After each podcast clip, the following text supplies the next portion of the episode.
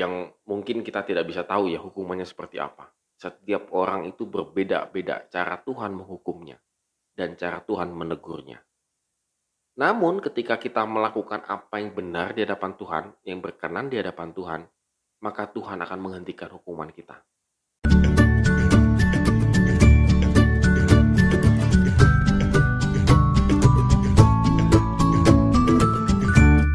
Morning Good Leaders, hari ini kita kembali merenungkan firman Tuhan.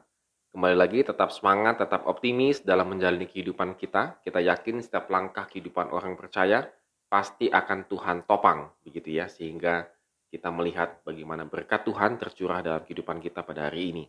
Dan kita akan membaca dari 1 Tawari pasal 21 ayat 18 sampai pasal 22 ayat yang pertama.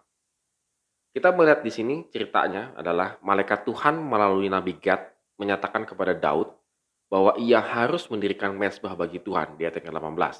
Dengan kata tadi itu, Daud melakukan segala sesuatu yang diperintahkan oleh Tuhan. Karena tempat itu nantinya akan dipakai untuk mendirikan mesbah Tuhan, agar tulahnya yang tadi, yang kemarin kita penyakit samparnya itu berhenti, maka Daud menolak maksud baiknya uh, Ornan di ayat 20 sampai 24.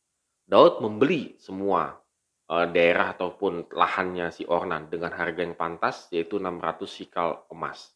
Seharusnya sih dia bisa aja ya. Kalau raja udah nunjuk ya. Kalau raja sudah minta, rakyat kan pasti ngasih ataupun rakyat dengan sukarela memberikan. Tetapi Daud tidak melakukan hal itu. Dia tetap takut begitu ya. Nanti salah lagi begitu. Jadi dia tetap memberi, uh, membeli lahan itu dengan harga yang pantas.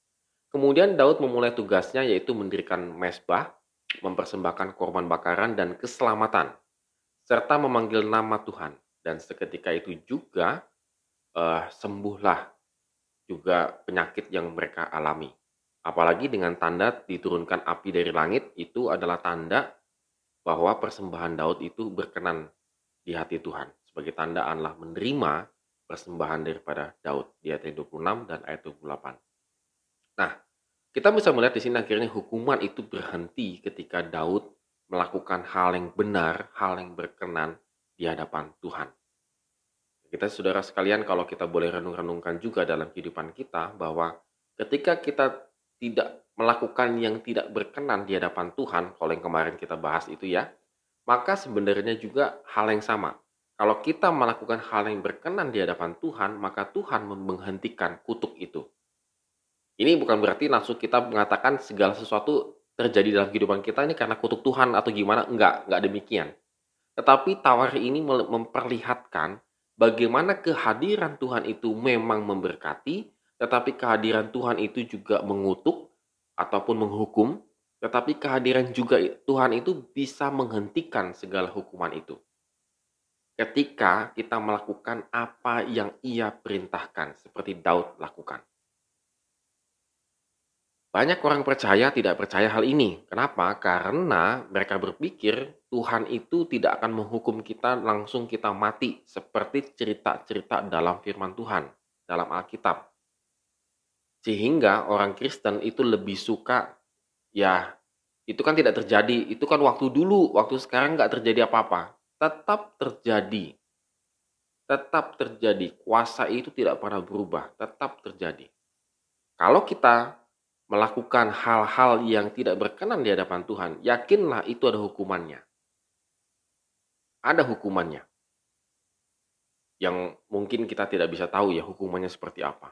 Setiap orang itu berbeda-beda cara Tuhan menghukumnya dan cara Tuhan menegurnya. Namun ketika kita melakukan apa yang benar di hadapan Tuhan, yang berkenan di hadapan Tuhan, maka Tuhan akan menghentikan hukuman kita dan digantikan dengan memberkati kita.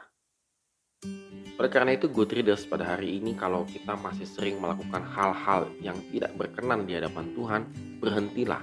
Bagaimana cara berhentinya? Yaitu lakukanlah firman Tuhan. Yaitu lakukanlah kehidupan kita bersama-sama dengan Tuhan. Maka yang Tuhan gantikan adalah diberkati. Hukuman itu berhenti semua. Oleh karena itu, Good Readers pada hari ini mari kita renungkan apa yang sudah saya lakukan, apa yang sedang saya lakukan dalam kehidupan ini, apakah berkenan di hadapan Tuhan atau tidak. Amin. Terima Terima kasih telah menonton video ini. Have a nice day and God bless us.